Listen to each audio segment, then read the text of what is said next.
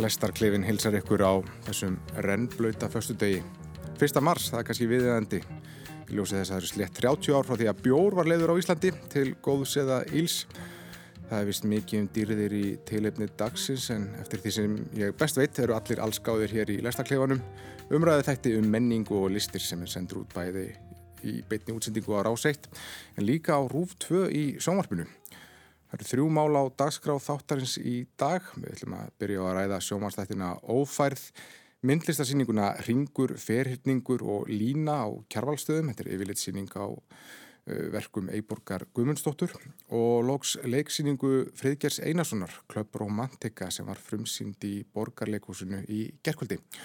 Og hingað í klefan eru konir þrýr góðir gestir, það eru þau Otni Eir Ævarsdóttir, Ritthöfundur, Raffn Jónsson, kvikmyndagerðamæður og samfélagsrýnir og Erla Björg Gunnarsdóttir, fréttastóri stöðvar 2, verið velkomin. Takk. Takk. Uh, við ætlum að byrja í sjómarpinu. Það er að segja á annari þáttaröð ófarðar sem lauk á sunnudag, þessir þættir þarna svo sem lítillar kynningar, rúmlega hálf þjóðin fylgdis með laurugluteifinu, Andra, Henriku og Áskeri reyna að leysa röð morða norður í landi. Og það er ekki bara Íslandikar sem eru áhugað samar um þessa þætti. Fyrst að þáttaröðin slói gegn á heimsvísu og þetta eru rauninni bara orðið að hálgjörri útflutningsskrein, kemur kannski í stæðin fyrir loðununa sem hverki finnst núna. Rapp, það var ljóst frá fyrsta þætti að menn ætla að skrúfa upp í þáttunum og, og frá því, því fyrir serju, þetta byrjaði þarna með faðmlaði döðans og það sem þar sem gísli reynir að kveikir, að kveikir í sér og, og faðmar sýstu sína höllum og síðan tekum við æsileg atbörður ásöndið það. Hvernig fannst þetta takast til? Sko, ég er búin að vera að melda þetta núna fyrir mér síðan í lóka þættinum og við rauninni gegnum alla seríuna og við fyrir mútið það alveg frá fyrstu seríu líka. Svona hvernig mann nálgast ófart, sko, hverjar eru væntingarnar, svona hvernig mér finnst takast til, það er ekkert með ekkert að aftengja það frá bara svona fyrirbærun ófærð eins og talar um svona stóra konseptinu ófærð af því að það er ekki framleitt mjög mikið af leikinu sjónvarsarnu í Íslandi og sérstaklega ekki mikið af svona stórum dýrum serjum þannig að það fylgir þeim svolítið svona baggi sko, maður kemur öll eins og segir hálf þjóðun, 50% stöðun að sest fyrir að sjónvapið og einum tíma ætla að horfa á þetta. Þannig að það fylgir svolítið svona stór baggi sko, þannig að það er svona kannski sett á svona, svona pínu órunhefar vendingar á seríuna að standa undir að vera rosa mikið fyrir rosalega marga. Já, og ekki bara Íslandíka Nei, og þú veist sérstaklega átt komin í þá þú farin að selja þetta allan, heim og, og, og ég held að í Guardian grein sem ég var að lesa að það eru hvað 10 miljón mannsbúnur að horfa á fyrstu seríuna. Þannig að þetta er svona rosa stort og maður fær svona smá tilfinninguna í 2 að það þurfi einhvern veginn svolítið að snerta á rosa mörgum flutum þetta þarf að það er eins og þegar fengið smá tilfinningna að þyrtu að skilgrena Íslandingar svolítið og skilgrena árið 2019 á Íslandi. Það er farið í rosa mörg þemu. Það er farið í stóriðju og náttúruvend það er farið í svona auka hægri stefnunar og rasisma og það er farið í spillingar í pólitík og það er farið í svona landsbyggð versus Reykjavík pælingar, það er rosa mikið svona stórum þemum sem að síðan í svona stóra sammenning kannski er ekkit endla svo mikið partur af loka plottinu, mm. loka plottið er svolítið svona fyrir utan öll þessu stóru þemu.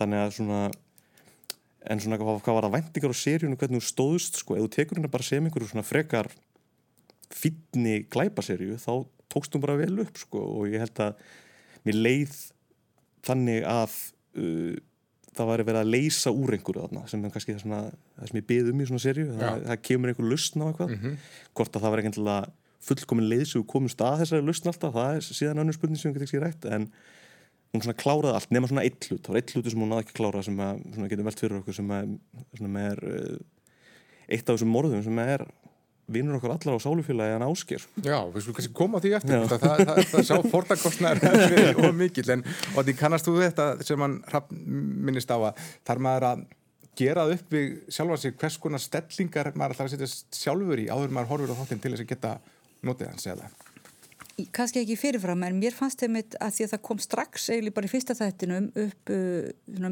ég var mjög, mjög gaggrinnin á handritið og þá fór ég með þetta að veltaði fyrir mig byrju í hvað, akkur er ég að veist, eh, á ég rétt á að vera gaggrinnin út af þessu? Því það var eiginlega meira svona eins og politist atriði, það var ekki beint hand, eða veist, það var ekki beinlinni svona listrætt uh, og einhver sagði bara þetta er nú bara listrænt frelsi að, segja svona, mér fannst þess að mjög pyrra, að, já það fór í tögutan á mér að það skildi vera að náttúruvenda sinnar já, skildi vera gerðir að hérna nínasistar í leiðinu nínasistum í leiðinu vegna þess að þegar ég var að vinna og var sem virkust í náttúruvend fyrir nokkrum árum þá þá er það ekkert grína, það voru bara mjög margir sem heldu að ég væri sko nazist eða það kom alveg nokkur að málu við mig og held ég væri þá orðið nazisti og sérstaklega eða þrýr nefndu nazisma og þrýr nefndu sko þjóðarins og hvað ég hefði að móti Evróbúsleir ég var einhvern veginn alltaf að útskýra að þetta væri ekki spurningum hérna, að vera móti alþjóðahyggju eða móti neinu og þetta væri ekkert alls ekki um einhvern rasisma.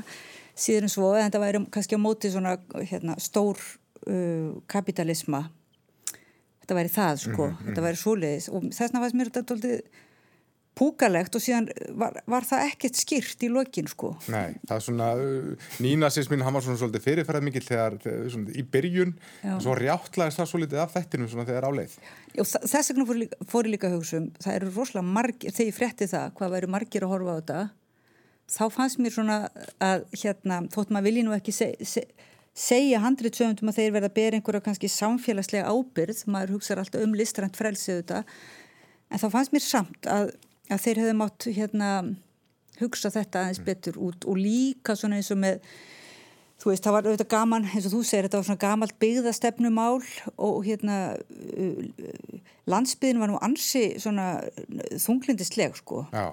myndi mann hann að bara gömlu myndin um skamdegi þetta var ansi nötulegt allt saman og krakkanir í sjóppunni það var ekkert skapandi starf og ekkert ekki beint neitt skemmtilegt í gangi Lunga og, og listi ljósi var ekki Nei, það nei en, en komstu yfir þetta þessa fyrirstöðu sem þú fannst þarna svona til að byrja með? Já, já, mér fannst bara mjög ég, hérna, svo sem var bara nöytið þess að horfa og mér fannst mjög gaman að horfa á þetta mm. og mér fannst skemmtilegt að horfa og mér fannst Solveig Arnarsdóttir alveg rosalega að gera flottan hvern karakter mm. og það voru nokkri svona flottir skemmtilegir hérna karakterar og, og bara gaman að horfa á, líka á landslæði og svo leiðis mm. en ég horfði á þetta vísu í svona á litlum skjá þannig ég get ekki sagt hvort að ég kunni bara, mér fannst eins og myndatakkan og svo leiðis væri flott en ég get ekki samt dæmt um það. Erla um, deilið þú þessum svona uh, hughrifum ennar odnýjar, fannst þér þetta trublaði það þig að, að uh, umhverju sendandi væri líka nýnarsistar eða bara var þetta skáldarlefi sem þú varst bara til í að lefa munum að njóta? Ég, mér fannst kannski svolítið hressandi að svona, það hefur líka verið máluð upp svo mynd að landsbyðafólk sé alltaf til í stóriði og alltaf til í bara til þess að út af landsbyðastefnum til þess að halda uppi e, lífi og, og störfum e, út á landsbyð þannig að þetta var svona svolítið skemmtilegt tvist að það verður alltaf nú mennin sem verður að mótmæla. Ég meina ég einhvern veginn skal viðkjana að kröfunar ég er rosalega svona lítið kröfuhörð, ég er svo þakklátt fyrir Íslands sjósafni og ég er svo þakklátt fyrir línulega dasgra sem að fjölskyldan horfur á saman og ég er svo þakklátt, ég verður svona nostalgísk að mæti vinnuna daginn eftir og það horfður allir á það sami gær. Það gerist bara ekkert lengur. Þannig að það, þetta er svona samfélagslega hérna, mjög mikilvægt finnst mér að hafa eitthvað svona dasgrálið sem að sem að allir eru að tala um daginn eftir og það er meira svo, við færum það yfir í nútíman með að með því að fólk er að hérna, týsta og, og tala saman á Facebook með heilu þræðin að tala um sögutræðinu leðu að gerist sem er svona nútímið ferinn í þess að línulegu dasgrá en ég verð svona í skalvíkina ég horfði þess að þetta bara með ofbúsla opinhuga og eh, var ekkert sérlega gaggrínin ég er bara einhvern veginn finnst gaman að sjá Íslands landslag gaman að sjá íslenska leikar að gera vel. Með þess að hérna almennt leika bara mjög vel og þannig að ég var ekki svona, jú, þetta var, þetta var svolítið svona öðri sem maður er, er vanur að sjá umhverju sinna og ekki svo ímynd sem ég hef á þeim. En ég einhvern veginn gaf því alveg frelsi. En það verið skanga til dæmis uh, fyrir bretana þá var uh, Gagrin í Guardian sem þú vísaður í áðanrafna þá var talað um uh, Make Iceland Great Again var fyrirsögnin og syns ég að þetta væri mjög tímabær svona, mjög, þetta er bringt erind inn í umræðinu í dag, í trömpisma og þess aftar þannig að, að það sem trublar okkur hér og er kannski lítið á skjönu við okkar uh, upplifun, það verið skanga í áhörfundur Erlendis. Held að svona smá partur af því er að alþjóðlugu áhörfandi kemur ekki að þættir með, með sama bakka og viðkomum með hann. hann. Hann er ekki partur af þessu 50% af þjóðinni að horfa á 1-2 leik, leikna svona sériu ári, sko. mm. þannig að við við nálgust hann kannski á uh, svo, svona annan hátt sko. við erum með svona aðra, aðra hugsun eins og þetta bara að þess að ég kom inn á þú veist þegar það er 50 på stjóðan að horfa á eitthvað hvort er þessi samfélagslega ábyrð handilsöfund að fjallum eitthvað ákveðin hátt og, og ég með þetta þú veist þetta komið aftur þetta svona svo leið mér að sleppa þetta svona þetta watercooler moment í sjónvarpið það sem að allir geta saminast í kaffestofunni og vinnunni og talað um eitt sem var á dasgrá og allir að týsta og það eru heilu greinunar í fjölmjölum um hvað allir voru að segja um þáttinn og þannig að það verður svona það verður alltaf pressa á þættunum að verða vera eitthvað fyrir rosalega marga eins og ég segði aðan sko. sem að er ekkert með kannski ekki pressa sem að þú upplifur þetta þetta er bara einn annar svona skandinaviski krimmin sem þú ert að horfa á mm. þau eru bara að horfa á hann á forsendum þáttarins. En svo eru svona minniatriði sem margir áttu erfitt með að þóla til dæmis í fyrsti þáttunum þá komu aðtóðsendir eins og herðu byttunum við réttir 13. oktober og heru, hann, er ekki, hann er ekki með húfu. Og, og, og bara alltaf hann að verða úti. Eru, eru við ofströng að þessu liti gagvart íslensku sjónvarsefni að, að menn svona takir sér svona minniskáldarleifi í þessu samingi Já, örgulega, mér finnst það nú bara gaman að það sé ekki húa og, og hérna og var ekki svona svolítið talað um það svolítið mörgur sko að siglufjörður og svo er bara, já, það er svona kliftansi það er náttúrulega Svo ertu bara komin að klefa vatni hérna í næstu Já, það er náttúrulega mjög já, já. gaman þjóðar íþrótt að fyrir þann sem þekkir vel til kunnu úr staðháttum, þá er mjög gaman að, að hérna fyrir þann að, að leysa þá gátu þannig að það er, er náttúrulega fullt auka gátum og almanagið og fullt svona fyrir okkur einmitt að, að pæli í mm.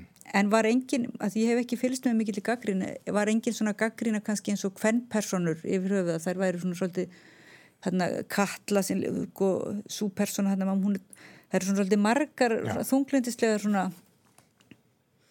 Já, var það ekkert? Nei, ég er nú ekki orðið þetta, þetta er þá bara Já, Það hefur verið eitthvað svona smá umræðum að það hefði nú verið hressandi að hafa eina svolítið vel vonda og grimma og, og hérna, koma að kannski því öllu eh, sem sagt vera morðingin, vera, vera hérna, vondablóðið út af það. Er eitthvað neins svona, þetta var svolítið það, ég hef heyrt þá umræðu, það hefði verið gaman svona skemmtilegni í breytna að, að svona hafa þá típu hvernig Kannski er þetta líka bara svona, svona sem ég veist annað sem ég hef heyrt að þetta er svolítið bara svona þungt yfir það heila líka. Er að þú veist það er ekki mikið verið að létta á. Það er ekki mjög margir það er ekki verið að segja mjög marga brandara í ófært sko, sem Nei. þú sér það alveg í öðrum krimum sko, það er mhm. alveg, það er alveg stundum, stundum það má stundum hafa smá gaman sko. og þetta eru tíu þættir og tempóið er nokkuð hægt mm -hmm. og það er annað sko að eh, stundum fara maður svona smá tilfinninguna þegar maður svona sérstaklega þegar maður púsla plottinu saman svona tilbaka að ákvörunum að þetta séu tíu þættir verið miklu frekar vera svona ekonomísk og svona af einhverju svona sölu ástæðum frekar heldur til að plotti standi endilega undir Já. og þú sér það, þú veist, í bandaríkjunum sko, stóru svona HBO-seríunar eru flestir 8 klukkustundir mm -hmm. Og þú fættir Breitland, sko, það eru stóru þættinni þar, 4, 5, 6 klukkustundir. Mm. þannig að það hugsaður við getum, það er hægt að segja einhverju svona sambarilega sögu talsveit knappara. Uh, og ég, ég skilða kannski, það er ekki verið að framlega mjög marga sjónasætti í Íslandi og það er kannski að, að reyna að gera sem mest úr þeim búið til stóra sériu, tíu klukkustundar sériu mm -hmm. en svona þegar maður pælir í svona hvað gerðist í hverju meðinsta þætti þættinir heldum maður allir rosalega vel. Þetta er rosalega góð kvikmyndagerð og það er skil að segja, maður er farin að nýttpikka þessi hlutina að því að kvikmyndagerðin sjálfur er svo góð, þetta er heildstætt er þetta orðið svo gott, Já. maður getur loksist farið að leifa sér að pæli í einhverju smáantriðum sem er smá svona luxusvandamál En hvað fannst ykkur um personu þróununa? Í fyrri seríunni þá var aðteklinn svo litið mikið á andra. Hann kannski þróast ekki mjög mikið í þessari seríu, við erum aðalega að fylgjast með samskiptum hans og henni önugu Þórildi, dóttur hans. Og en við fá, það Kastljósinu er freka beint að Henriku og Ásgeir fær, fær aðeins meira pláss í þessari sýningu að ge, gefinni ástæði um, Ótning, hvernig fannst þér þessar personur? Mm, mér fannst það bara skemmtilegar, ég er svona, mér fannst kannski Já, mér fannst það bara mjög flottar og leika, mér fannst veginn einmitt, allir leika, ég var mjög jákvæð þannig sko, mér mm. fannst það gaman og mér fannst það líka mjög spennandi, mér fannst þeir þættir alveg sko óbærilega spennandi og, og mér fannst andri, mér fannst það mjög vera sætur svona í þessum lura, luragangi sínum og, og Henrika og Ásker en mér fannst kannski svona, já, sumir au, auka leikararnir meira spennandi kannski Já, eins og hverjir? Já, eins og þarna mm, náttúruvendasinnin sem verist ekki að veri nýnasti þarna pappin Steinn Ármann, já. Já, já. hann var að skoti flottur og ég var svona mér fannst einhvern veginn ég var, ég var að voru alltaf harmundi einhvern veginn segja að hann væri ekki nazisti sem sagt. Já, nei, já. en, en mér fannst það svona einhvern veginn segja það. Já, hann var svona, svona, svona í að að því hérna Já, lokin, og það svona- fór að halda með honum Já, hann var sympatískari Já, mér fannst hann mjög svona flottur og hvernig hann hjælt með sínum síni og, og, og, og sínum sonum og þannig. Og hérna, já, og Solveig og jú, margar, mér fannst margir svona og þarna hún sem hún, hann áskýr var svo ástfangin af. Já, sem hún, uh, Katrín Halldóra, það er nú annað, það er nafna súpan í þáttanum en það sem Katrín Halldóra Nei, ég, ég, veit- ég veit ekki alveg hvernig maður á að dæma, mér fannst þetta, ég bara ég bara glemdi því strax að þetta væru leikarar sko. Já, einmitt. Erla, fannst þér einhverja sérstakka personu sem stóð upp úr á þínum andi? Sko, varandi lauruglumenna, sem Tinriku og Andra og Ásgeir, þá langar með, þeir eru svona svolítið antilöggur, öll, veist. Andri er ekki svona þessi dæmigerða rannsóknulögga úr bandarísku bíomundunum sem er náttúrulega mjög hressandi og ekki hinrika heldur, svona, öll svolítið lúðar, sko, og það býr til einhverja nýja samkend með lauruglunni, finnst mér, og mér finnst þetta mjög sniðut, já, hvernig það byggja upp karakterana.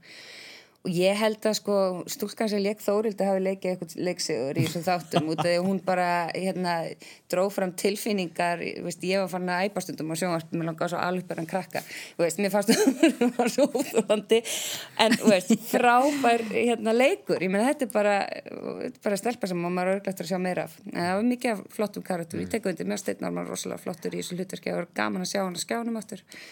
Saknar, fannst þér áskir, drepin, var, var það á langgengið? Þú lóksið svona farin að kynast Ég var nefnilega svo spennt fyrir hvað væri að fara að gerast í honum og, og, og hérna henni Katrínu, ég man ekki hvað karakterin heitir í þáttunum en, en hérna samstarfsmanni sínum. Ég, maður var einmitt mjög spenntur og fannst svo sætt að vera loksis eitthvað romantist að fara að gerast í áskeri að virðist vera svona einmanna, kall en góður. Þannig að já, þetta var mjög erfitt. Mm. Mjög erfitt. Ég, hérna, en mér fannst þetta sniðut hjá þeim. En hvað svona bara um þetta sem glæpasugu, er þetta, fannst ykkur hún virka? Var, var, þetta, var, þetta, var þetta vel leist til dæmis í lokin? Svona vandamáli kannski við plottunina á þessu að því að það er farið stundum er farið svo mikið á breyttina en ekki endilega á dýftina og það er svona kannski sem ég sakna bara í persónusköpuninni og í kannski svona þessu megin sögu það er líka að það er, þú veist, það er rosa marga personur, það er rosa mörg svona hliðaplott sem við svona heimsækjum og síðan eru svolítið bara skilin eftir sko, það er svona nazistarnir, þeir eru svolítið svona plott og þeir eru skildir eftir og svo erum við með svo erum við með stóriðuna sem er svona tengist aðeins í þetta mm -hmm. en er samt svolítið svona skilin eftir og við erum með þú veist, ástasambandið hjá Viking og Ebo sem er svona einhvern veginn, þú veist, það leysist en samt ekki einhvern veginn, það er svona fullt af karakterum. Og maður saknaði svona að fá bara fleiri svona þögul moment svona kannski með stærstu personum að eiga svona aðeins meira eins og þú veist, þeir eigða svolítið tíma í fyrstu seri að byggja upp svona típur eins og andra og ásker og svona það er þess að smá hugsa okkar, við erum búin að búa til þessa karaktera, við þurfum ekkert endilega að pæla mikið meiri en maður saknaði samt smá að fá aðeins meira. Og það er svona sama með svona loka plottið, þú tala um svona hvernig þetta leysist allt saman að það er svona maður hefði vilja að fá aðeins meiri svona undirbyggingu á þessi stóru moment í lokin að, að eiga svona inni fyrir þessum stóru momentum mm. því að maður skilur smá að það, þau vilja skilja eftir svolítið til þess að það sé svona stort wow, þetta er hann, þetta er að því hann gerði það eiga það svolítið inn í loka þættinum það þýðir smá svona að þegar kemur að svona þessum, þessum konfrontationið þarna í skíðaskálunum að svona þátturinn á ekki alveg svona inni fyrir dramanu sem er Nei. þar, því að maður mað, mað, mað veit ekki alveg til þess, akkur akkur er Stefán, akkur er hann reyður út í andra Já, það er einhvern veginn aldrei, það er aldrei útskýrt einhvern veginn almennilega. Okkur er þetta svona persónulegt. Hvernig fannst þér svona þessi, þessi lausn? Ég, ég veit það heller ekki alveg, því ég einhvern veginn horfi ekki beinlinis út frá plottinu, sko. Ég er ekkit, ég bara reyn ekki eins og ímynda með hver, hvers ég morðingin og, og hérna, og bara kom mér mjög óvart að vera þessi maður og ég hefði bara, eins og þú varst að nefna að þetta er svolítið langt, langur þáttur, ég áttaði mig heldur ekki á því, en það hugsaði mér hefði ekki mátt bara vera ennþá lengri. 11 þættir, 12 þættir leifa sér að vera doldið sko hérna slow travel sko, þú leifa sér að vera í, í hæg og ymmit að fara meira þá inn í að því það var bóðið upp á fullt af svona sálfræði og ég hefði nú alveg vilja sjá meira, sjá meira unnið úr því sko, en ekki bara svona handbók svona uh, sálfræði handbók eitthvað um Já, um, maður veldi í stundum fyrir sér að hvort að handritsöfundum hefði færst aðeins svo mikið í fang. Það var verið að klukka svolítið margar hluti eins og það var verið að fjallum stöðu samkynherri Ghana uh, stöðu verkamann á Íslandi uh, trausti sérsveitamæður sem er að glíma við svona, nefnir það í framhjólupi mm. hann þjáist af, svona, með snert af áfallastreitur öskun úr, úr fyrir serju en, en svo ekkert gert neitt meira með það. Nei, það er svolítið svona eins og þú nefnir það er svona kannski farið það svo mikið á breytina en dýftinu og ég, það var svona nokkra sögur í lokin sem ég hefði gerna vilja einmitt, klára, Já. fá meira af. Ég er bara með einmitt þessi trösti mm -hmm. þarna, hann, það hefur verið rosalega gaman að bara hafa heilan þátt um hann líku við. Já og heilan þáttum áskeir og við erum að tala um 30, 30 þetta En það er nú búið að gefa ávinningum að það veri gerð ófærð þrjú já. og já, sjáu þið marga möguleika áfram fyrir þessar personur að halda fram að dróast og, já, og, og, og væri, eru marga personur sem þið væri til að sjá gert meira úr í, í framhaldinu Það er eins og sko, myndist á að nýppaði að það er svona skilið eftir í lausu lofti hvort að Stefan hafi myrt áskil mm. því að það er svona, það er svona kemur aðeins inn á það, hann er eitthvað með skýti svona sér í hausin aðra að svara einhverjum spurningum mm -hmm. en það heldur ekki svona þetta endar ekki á neinum svona, svona kliffhengar sko. Nei. það er ekki svona kemur ekki hend upp úr gröfinni þau vilja að halda öllu opnu sem ég skil svo sem ákveðlega sko. en það vantar svona ef að þetta eru bara endalega áskeis að því að það, það má alveg tala um áskeir svona viðra samingi að því að yngvar greinlega gerur hún það góð skil að, að, að hann verður svona kallt fígura út úr þessum þóttum sko og ef hann svona einhvern veginn deyr bara einhvern veginn svona þá er það alltaf svona leiðilegu missir Já, því hann er svona einn af þó að hann fákast ekki alltaf svo mikið að gera þá er það svona dýfsti karakter hann er mjög mörgu leiti svona, er svona breyskasti breyskasta personun og maður tengir svo verið svona breyskar personun sko. mm. uh, Otni, vilt þú sjá meira áferð? Óferð þrjú? Já, sko ég hugsa að ég hef nú bara ekkit endilega hort á henn að þátt ef að þú hefur ekki bent mér á það. Og hérna ég er ekki mjög, mjög spennt fyrir sko að klæpa Nei. en ég hérna ég held alveg, já, ég núna langar mig til að horfa já. áfær þrjú og hérna, og sérstaklega ef maður fer svona yfir í einmitt aðeins meiri sálfræði dýft sko. Mm. og hérna, og jú, plottin má alveg vera uh, gott líka auðvitað. En svona, já sálfræðilega plott, plott líka. Ég, það er fullt af sögum sem maður má halda áfram að segja ég er alveg á því og einmitt fara meiri dýftin og segja betur frá sálfræðinni eða sambundum karakterana þannig að ég held að sé fylgta efni í ófærð þrjú allavega. Og allir þessi leikarar sko, mm. unnur og, og, og það er bara allt unnur líka flott já, hún var flott og, og hérna og ungu og hann er leik, sín leik viking líka. Já, hann Aron, Aron Ólafsson. og bara eiginlega allir þessir voru mjög flottir sko. Mm. þetta er líka bara svona góð kvikmyndegi þeir komið svona gott, góða formúlu gott teimi og þetta er bara svona þú horfður bara svona á kvikmyndagerina sjálfa þá er þetta svo bara vel klift, vel skotið Já. flott tónlist og mm. maður svona má ekki heldur gleyma því að maður horfur bara svona 6-7-8 ára aftur í tíman að þá var svona þessi kaliber af sjónastáttagerð eiginlega óhugsandi sko já, já. það komu augnablikin á millið það sem var svona það sem handritið, skriftinnar skáldskapurinn, já. einhvern veginn svona bara ekki alveg á pari eins og sagan um gutta geitastráki sem, sem ég var alltaf að byrja að vera kannski gammal, gammal tíðar skemmt þess að gangi endur líftæða en, en um, árum hverjum ófærð eitthvað svona hlýðarafurð af ófærð, það er svona partur af upplifinu það er Twitter. Já. og það er mjög virk Twitter týst verjar eða hvað við höfum að kalla það þeir verða mjög virkir. Og þú ert nú einn af þeim sem tekur virkan þátt í umræðan þar sem keppast við að vera með sniðu heitt stundu því miður sko.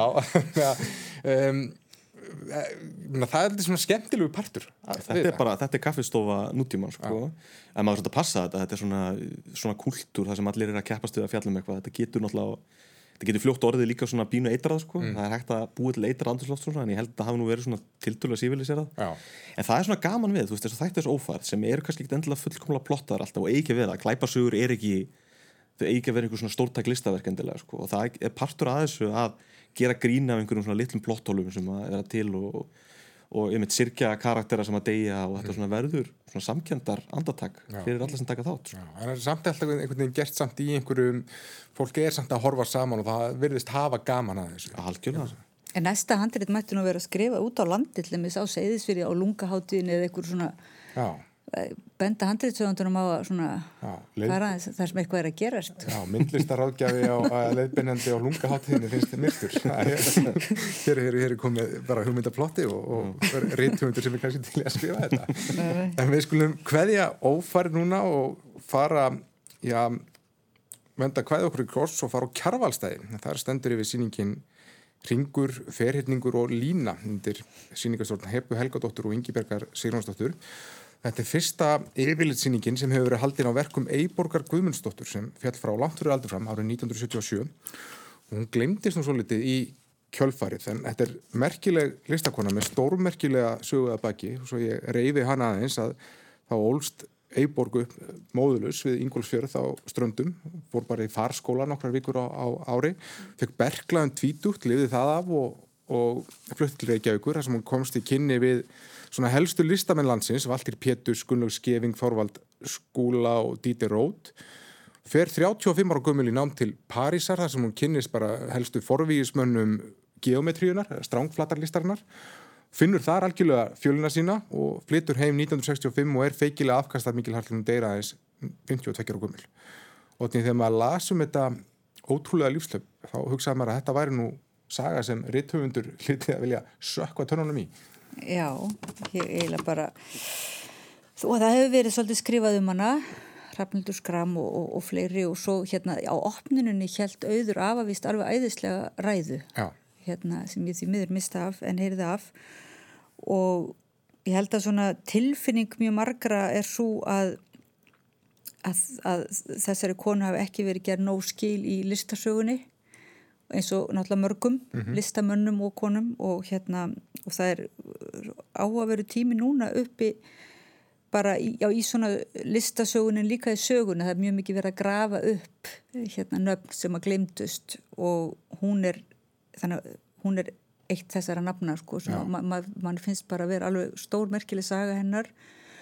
Og ekki bara sagan heldur er, síðan þessi síning er alveg sérstaklega falleg. Hún er, hún er falleg verkin og líka mjög vel uppsett finnst mér, það eru tvær konur Heba og Ingi Börg sem setja upp þessa síningu og hún er bara alveg í öllum smáatröðum finnst mér vera vel uppsett fall, falleg og þannig, þannig að einhvern veginn styrkur þessar verka kemur mjög stert fram og hvað hva hún hefur verið hún er bæðið svona augrandi þessi kona. Eða, maður hefur þá tilfinningunni sko að því maður þekkjar hann ekki, ekki vel þannig að maður er svona eins og uppkvötvana maður kemur hérna inn og maður er búin að fara á svo margar yfirlitsýningar uh, í gegnum tíðina á, á, á, á kannski á listamönnum sem maður þekkir bara ansi vel og er að sjá aftur og aftur og það er enn önnur sýningin uh, á verkum þessa listamanns og þannig að það er svo ánægilegt að fara á svona stóra síningu uh, hjá listakonu sem maður þekkir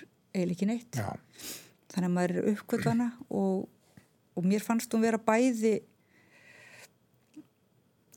uh, já ég þarf kannski ekki að koma með eitthvað svona listfræðilega dóm svona en mér fannst hún Já, það er ekki vera en...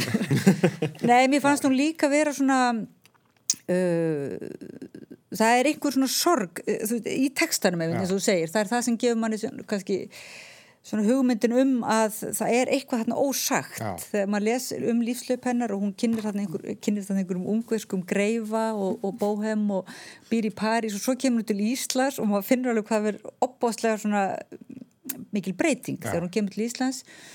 Og, og er ekki og er mjög dugleg og er í fím og er sinnir félagsmálum listamanna.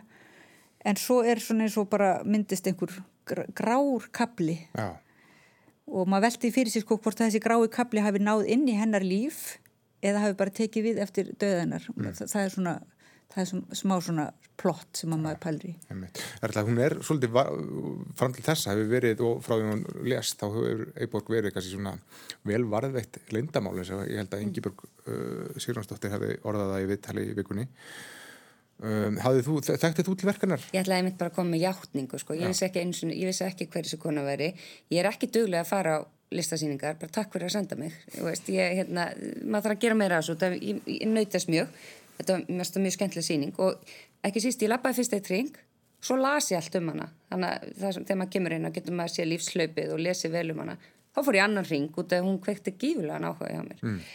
út af þessu lífslaupi út af þessari sorg sem einhvern veginn er þarna eitthvað stæðir í kring mm. um, ég held hún hafi verið svolítið svona það hafi verið svolítið nagli sko ég menn hún uh, fæðist hvað 23 24. 24 og verðist svona fara svolítið óhefbundna leiðir í lífinu, ég menna hún er 35 ára þegar hún byrjar að læra Já. myndlist uh, fer út til Parísar og lærir og, og er ógift þar til í einhverju sambúð með greifa, já, en, en veist, þetta hlýtur að hafa verið svolítið svona óhefbundin mm -hmm. leið á þessum tíma.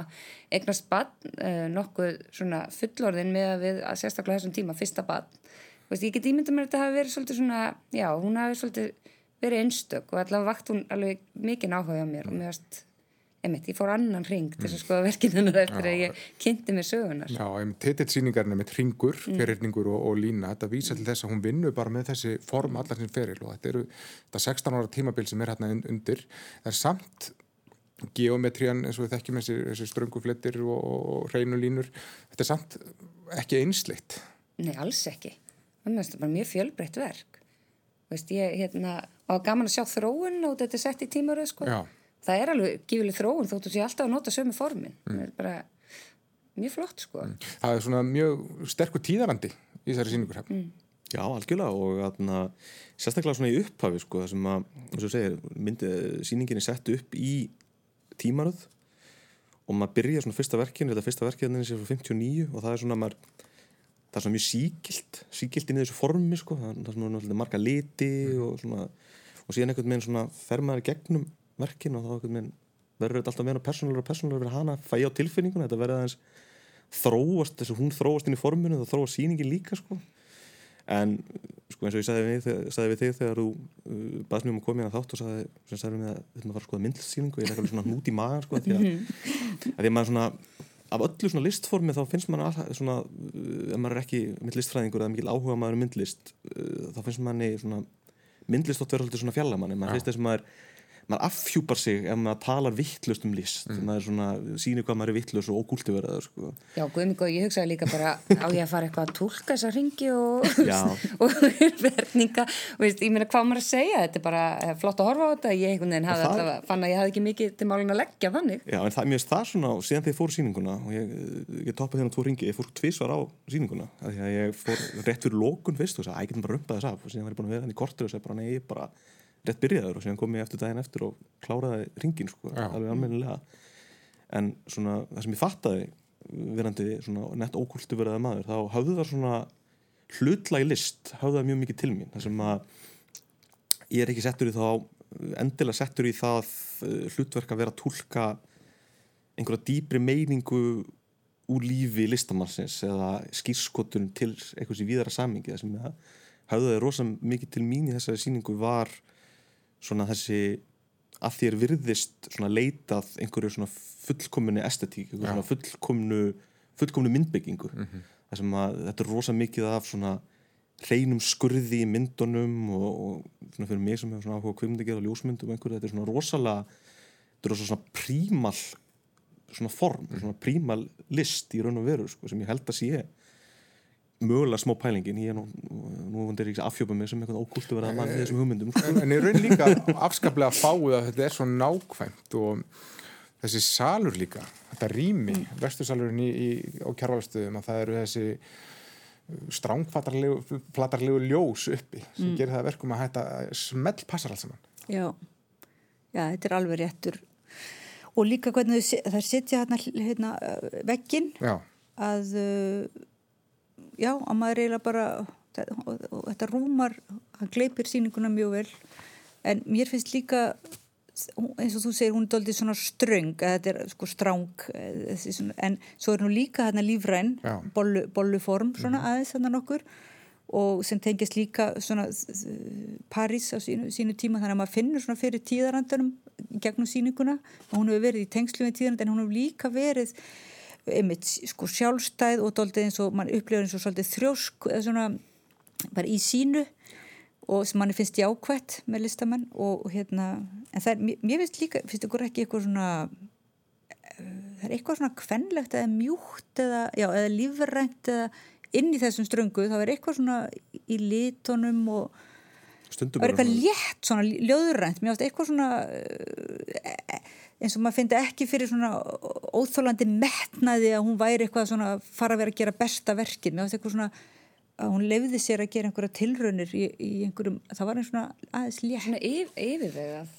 já, já, það er svona bara óhrætt einhvern veginn, það, mér finnst það kostur. Það er svona stúdíur líka bara svona það sem það eru stúdíur með það eru nokkru skúltúrar, svona glerskúltúrar sem að eru samt að vinna með sömu formin og þá bæta þið síðan einhvern veginn svona ljósinu inn í og vittinni það sem að verða að kasta skuggum á vegg það sem að formin breytast og það verður hvernig þú horfir á þau og það er svona, og segi, það er svona meira í staðin fyrir um til að búið til þessi stóru svona stórkostluðu verk það er oft bara svona og séu svona stúdíur, svona pælingar. Já, hún, hún er, maður finnur fyrir tilrauna gleðinni í, í, hún, hún er að, henni finnst gaman að gera tilraunir og þá finnst manni gaman einhvern veginn að, að hérna, þá fær maður að vera með í tilrauninu svolítið Svo, og svo ég smætti uh, þessar síningu kannski í eitt Mm. orð þá fannst mér þetta líka bara allt svo hrikalega töff mjög kú já, mjög, Já, já, já, það var svona já. djúb sjö eins og Bergur Eppi Benediktsson myndi, myndi Nákvæmlega. kalla það er eitt sem ég tók eftir samt þannig sem að ég veit ekki hvort að maður á að lesa of mikið í sko, er að fyrst þú, þú sko, lest verkin svona í tímaröð að eiginlega öll fyrstu verkin svona fyrst greinlega þegar hún er að byrja í svona í þessum abstrakt hlutlægu pælingum þeir eru öll ónefnd, þetta er allt ónefnd verk. Já, en síðan svona síðustu, svona síðustu árin þá eru öll minn öll verkin komið með einhver, einhver nafn sko, og greinilega þá einhverja meiri skýrskotun og þá hugsa maður bara, þú veist, er hún að vinna sig úr einhverju svona hlutlegu yfir í persónulegt eða eitthvað þannig þú veist, þó að þó hún sé alltaf ennþá með sömu formin sko. Já. ég vil hafa þetta til mín heiklugst þetta mæla með þessari síningu á kjárvalstöðum ég, ég bara nefni það ég prófaði að ganga um salin og vera með heyrnatól og það sem ég hlustaði á viðtal Guðuna Tómassonar í Vísjá það sem hann rætti við síningastjóruna og meðan hann gekk um salin með þeim og rætti um þetta og það algjörlega opnaði hana fyrir mér bara svona Ó, nýja vittar sko. að gaman. ég, ég mæ, mæli með því alveg eindriði en við skulum fara frá kjárvalstöðum og upp í borgarleikhús.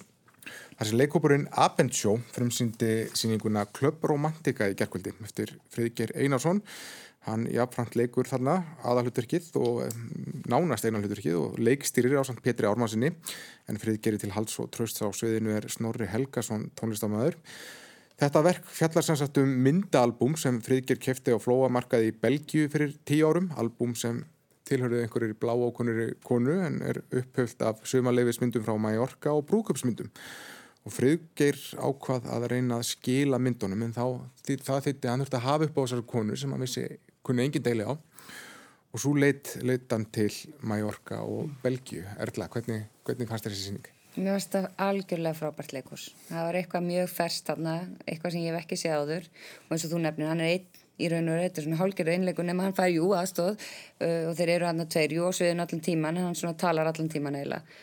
Og þetta, ég held að síni ekki sé cirka einn og hálfu tími, leiðis? hjælt mér hverja einustu mínútu. Veist, það var ekki, ég get alveg fengið smá aðteklisbrest, sko. Og það gerist ekki þarna. Ég var bara algjörlega fókusiruð allan tíman og, og þetta er sýningum forvitni, mætti segja. Þetta er, mikil forvitni í þessari sýningu og hann tekum hann algjörlega með sér. Ég var forvitin frá byrjun til enda og það er bara skemmtilegt, við vorum að tala um ófærð á hann og spennu þetta og eitthvað. Ég var ekki minna spennt í þessu verki þar sem er farið bara vel og vandlega yfir þessa leit hans. Mjög nákvæmlega og í smáadröfum en það held mann algjörlega og er bara frábært stykki og ég bara eftir að ég sá þetta og fór að kynna mér aðeins betur hann friðger og, og langar bara að sjá, lesa meira, hann hefur gefið út Hann gefur smásögur og smásögur, skáldsögur. já, og eina já, þannig að maður þarf að, hann, hann vakti mikið áhuga hjá mér allavega Já, hann er líka gert fleiri verk með hópum kreðpleir. Hann er einmitt mjög sérstakur sagnamaður og bara allt svona hans fas og holningin og bara hvernig hann segir hlutina, hann getur gert svona hverstagslegustu hluti alveg meinfinna. og þetta er svona, eins og þú segir sko, þetta heldur manni svo spenntum sko, og hans sem sögumæður er svo mikill líkill í því og nú þekki ég hann ekki persónulega en ég þekki fólk sem þekkir hann og vil meina að hann sé bara svona. Þetta er, svona er hann í fasi, hann er ekki að leika það að vera svona pínu tindur og vandræðilegur og, og það sem gerir hann að svona svona góðum engaspæðara og þetta er svona svo, spólum tilbaka verið ásker í ófara. Hann er svona smá ásker, hann er svona smá vanhafa löggan sko. og það sem gerir þetta svona sem gerir þetta svona hans rannsókn á þessu máli svona svolítið finna og skemmtilega er líka svona einmitt gallar hans. Og hann talar um þú veist hann hann var erfitt með að uh, spurja fólk nárgöngulega spurninga, láta því líka vandræðilega, hann var svona kemur hlutum illa í orð, hann er lélur að googla hann er mjög all... lélur engarspæði. Já og þetta er svona allt svona hluti. Hefði hann ekki verið svona lélur í þessu eða svona finnast óþægilegt og vandræðilegt hann hefði ábyggjað að leist úr þessu máli talsast hraða sko. en það er svona sjarmin í þessu er hans svona breysklikar sem engarspæri og lítla bara svona, klikkun í þessu sko, hvernig, hvernig hann týnist í þessu öðru lífi sko, sem er stúdíu út af fyrir sig mm -hmm. þannig að þessu forvitni sem rekur hann áfram það er svona heldur mann heldur mann spenntur, mann er síst minna spenntur þarna heldur henni mitt í einhverjum glæpa þetta sko. mm. þó að umfjöldunar efnilið svona, þú horfur á það svona hlutlegt þá verður þetta alveg banal það er engin, það er engin að byggja um þessi mystery þessi list sko. hvernig, hvernig orka þetta þig? Jú, ég segi það saman, þetta var mjög góð lýsingar hjá ykkur einmitt, einmitt, fatt, þetta er einmitt um forvitni sko og, og, hérna, og þessi spenna þetta þegar það er hann að prestur Sér að Ján Já, sér að Ján og maður er hann svo rosalega spenntur hérna yfir honum. En fannst ykkur ekki svolítið gert lítið úr Ján þegar hann, að því við vorum að tala um myndlistasýninguna, þegar Ján hann hérna, spilar upptöku þegar Ján er að útskýra fyrir honum þarna Terverian skólan Tervurian skólan og bara dregur nýr og segir honum að við þóttum þetta svo leiðilegt hjá sér að Ján mér var það svolítið þar fannst mér hann nú doldið hérna, tík, hann friðgir en það er kannski líka samt að hann var kannski að höfðu mögulega fundið þessu umræða kannski áhugaverð en hefði hann ekki verið að býða eftir mjög æsilum og spennandi upplýsingum? Og ég fann að ég var líka, já, já, já svona, svona, áfram með, hérna, ég var líka alveg spennt og þessi smitandi spenna er svo falleg. Hvernig, út af hann er svo einlegur þá næra hann að alveg bara grípa mann með sér. En þetta er ekki moment sem býr til spennu sko, því að þarna er hann að búa til einhverja svona hann er að halda ánægjunu frá okkur með því að láta hann spila eða vera að babla í bakgrunnum um einhverja ábyggilega mjög áhugaverða flæmska listastefnu sem eitthvað minn týnist alveg þannig. Þetta er svakalega vel gert hjá hann því að þetta er einmitt á mörkunum að vera leikriti fyrst mér að vera mörkunum að vera bara myndlist mm. sko. þetta er eins og myndlistargjörningur og þetta er eins og bara leikusíkunin í tvívít eða þú veist það er eins og svona og maður veit ekki alveg hvað þetta er. Þú, ég hugsa bara, er þetta texti er þetta, er þetta, er þetta myndlist? Neða, þetta er leikús og svo er þetta mm. algjörlega hún text að gera flott leikús Líkillin í þessu er kannski sá að hann sýnir þessu umfyllunaröðu líka mikla virðingu, til dæmis hann er að taka mjög persónuleg albúm hérna mm. myndir úr brúköpsveistlu og sumafríum og einhverju þýjum líku.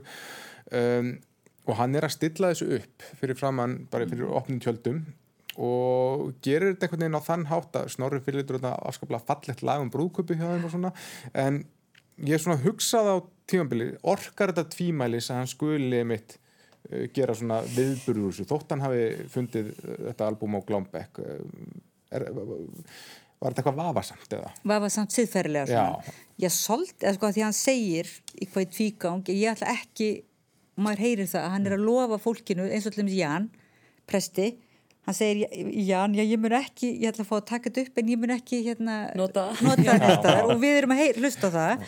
Og hann segir líka sýsturinni að hann ætla ekki að hérna, byrta neitt af þessu en svo er, er hann þarna að gera það. Mm -hmm. uh, þannig að þetta er, þetta er aðeins svona skrítið að horfa á þessar persónlegu myndir þarna. Svona sumar ljótar eða skilji, kannski svona hallarislegar myndir einhverjar og Er alltaf einhver svona angurverð og treyji í þeim líka já. en er þetta ekki stúdían svona líka bara ef maður vil fara, fara mikið í lískarinnendan á þessari síningu að, að, að þetta kannski svona pælingin út af fyrir sig líka er ljósmyndin, sérstaklega svona tækifærisljósmyndin eins og hún var versus það sem hún er í dag sko. það sem hann er að gera þarna sem hann finnst svona absúrt, sem er að hella sér inn í líf ókunnara gegnum einhver ljósmyndalbum er og einhver leiti það sem að fólk er að gera hverju mesta degi bara þegar að skrolla gegnum Instagram reikningi sinn eða, eða samfélagsmiðluna sín maður er að týnast í lífum annara allan daginn sko. komið kom einhver myndarópum hjá einhverju fólki sem það þekkir ekki neitt. Þetta voru myndir sem bara kom út úr vilni sko. það var ekkert að velja bestu. Nei, bestu filter, sem var greinlegt það, það var engi filter En það er áhugavert og það sem gerir þessa myndir líka og þetta er svona líka stúdíja fyrir nútíma sem gerir myndirnar í albúminu líka svona áhugaverðar og lýsandi í svona víðara samengi er að þetta er svona myndina sem enginn átt að sjá. Á meðan myndina sem setur samfélagsmiðlun er myndina sem allir er að sjá. Já. já, já, þannig að það er verið að kjúreita einhverja ímynd þar á samfélagsmiðlum en þarna er þetta bara einhvers konar spiklun okkur persónuleika eins og maður sér á fyrsta albúminu sko, sem er svona áhugaverð. Mjög slundir svona fallega gert það sem er gerð sem að Snorri semur þetta fallega lag um Mallorca. Já. og það er sínt í albúminu það, það er búið að reglustiku líma allar þessar Mallorca myndir inn. og það er greinlega búin að vera svona fantasín um að fara til Mallorca sem er svo fallegt að því að svona, þegar ég hugsa um Mallorca þá er þetta það er svona smá terror í mínum huga sko. En ég skil samt svona þú veist, ef þú ert frá einhverjum þú veist, þú veist einhver ung manneskja á nýjunda áratugnum uh, áttunda áratugnum þessi tilfelli þú veist það sem að þú fer ekkert á því sólanda og ert kannski ekkert frá stað sem er búin spennandi og og þá er, er Mallorca bara eitthvað svona eitthvað svona fantasía sko. og það er stórkostlega sena hérna sem gerist einmitt á Mallorca sem Friðger fylgir, ég kemst ekki inn á Club Romantica sem fekk ekki bóka herbyggi og má ekki borða á veitingastæðinum og ekki, ekki lusta skemmt hún er svona njóstna um, um staðin en eins og Snorri, hvað fannst ykkur hann bæta miklu við með sinni nærveru? Hann er já, alltaf- mér fannst Já. það mjög sko. þá gerði það einhvern veginn að þetta var svona vitt, hann var þannig að þetta var svona samræða sko. Algjörlega. mér, mér fannst og fall, fallega, fallega gert þeirra og það var svona vinskapur í því sko. Eitt sem að velti fyrir sér var að hversu miklu leiti er þetta byggt á bara, er, er sagan sem hann er að segja sönn, er þetta einhver leiti skálskapur er hann, var hann í þrjár vikur og meðan hann beði eftir badni heim á Íslandi Mér fannst það ekki skipta neina Nei, máli nei, ég- Mér finnst það ekki skipta neina máli? Nei, nei. Mér finnst það ekki skipta máli að því að hann næra, það er eitthvað satt í því sem hann er að segja og Mhm. maður finnur það satt en, en ég hefði vilja, sko, við mögum alls ekki segja líklega Nei. en ég hefði vilja samt vita sko talandi um forvitnina ég er ennþá forvitin En fegurðin við þetta verk? Jú, ég veldi samt fyrir mig að maður sé alltaf að hugsa um eitthvað okkur og Jú, en konu. hvort, þess, að því að það er alveg svona drama þarna, Já. þessi mynd af henni þarna að, að faðma Já. í faðmlæginu og sorgina að þá einhvern veginn og svo er einhver sorg, svona má alveg segja það eins og þarna hjá eins og í myndlist síningunni, það er einhver sorg. Og þá, ef maður langar, mér, ég hefði alveg vilja hafa ég, hef- ég hefði alveg séð fyrir mér svona einn leigir sko, Já, eitt undirlag með, með aðeins meiri að gera meir úr því sko, hvað en það er svona, mér finnst það svona áhugavert fyrir sig sko, því að hann opnur sýninguna að segja því að ástæðan fyrir að hann var hann út í Belgíu og ætlaði að fara að uh, gefa sjálfum sér ammælskju og fara að sjá ákveði listaverk eftir brúkar já, sem að er svona, það sem hann gæti ímynda sér að þetta er svona stort listaverk af einhverju torki hann er að lýsa því og hann, hann ímyndaði sér að hann gæti ef hann myndi sjá listaverkinu og nálagt þá geta hann séð svipriðin í fólkinu. Og síðan einhvern veginn fyrst með þetta verða rauninni bara svo upplifun sko. hann er reyna að leita að einhverju í öllum þessum myndum þessum, þessum ljótu ljósmyndum já.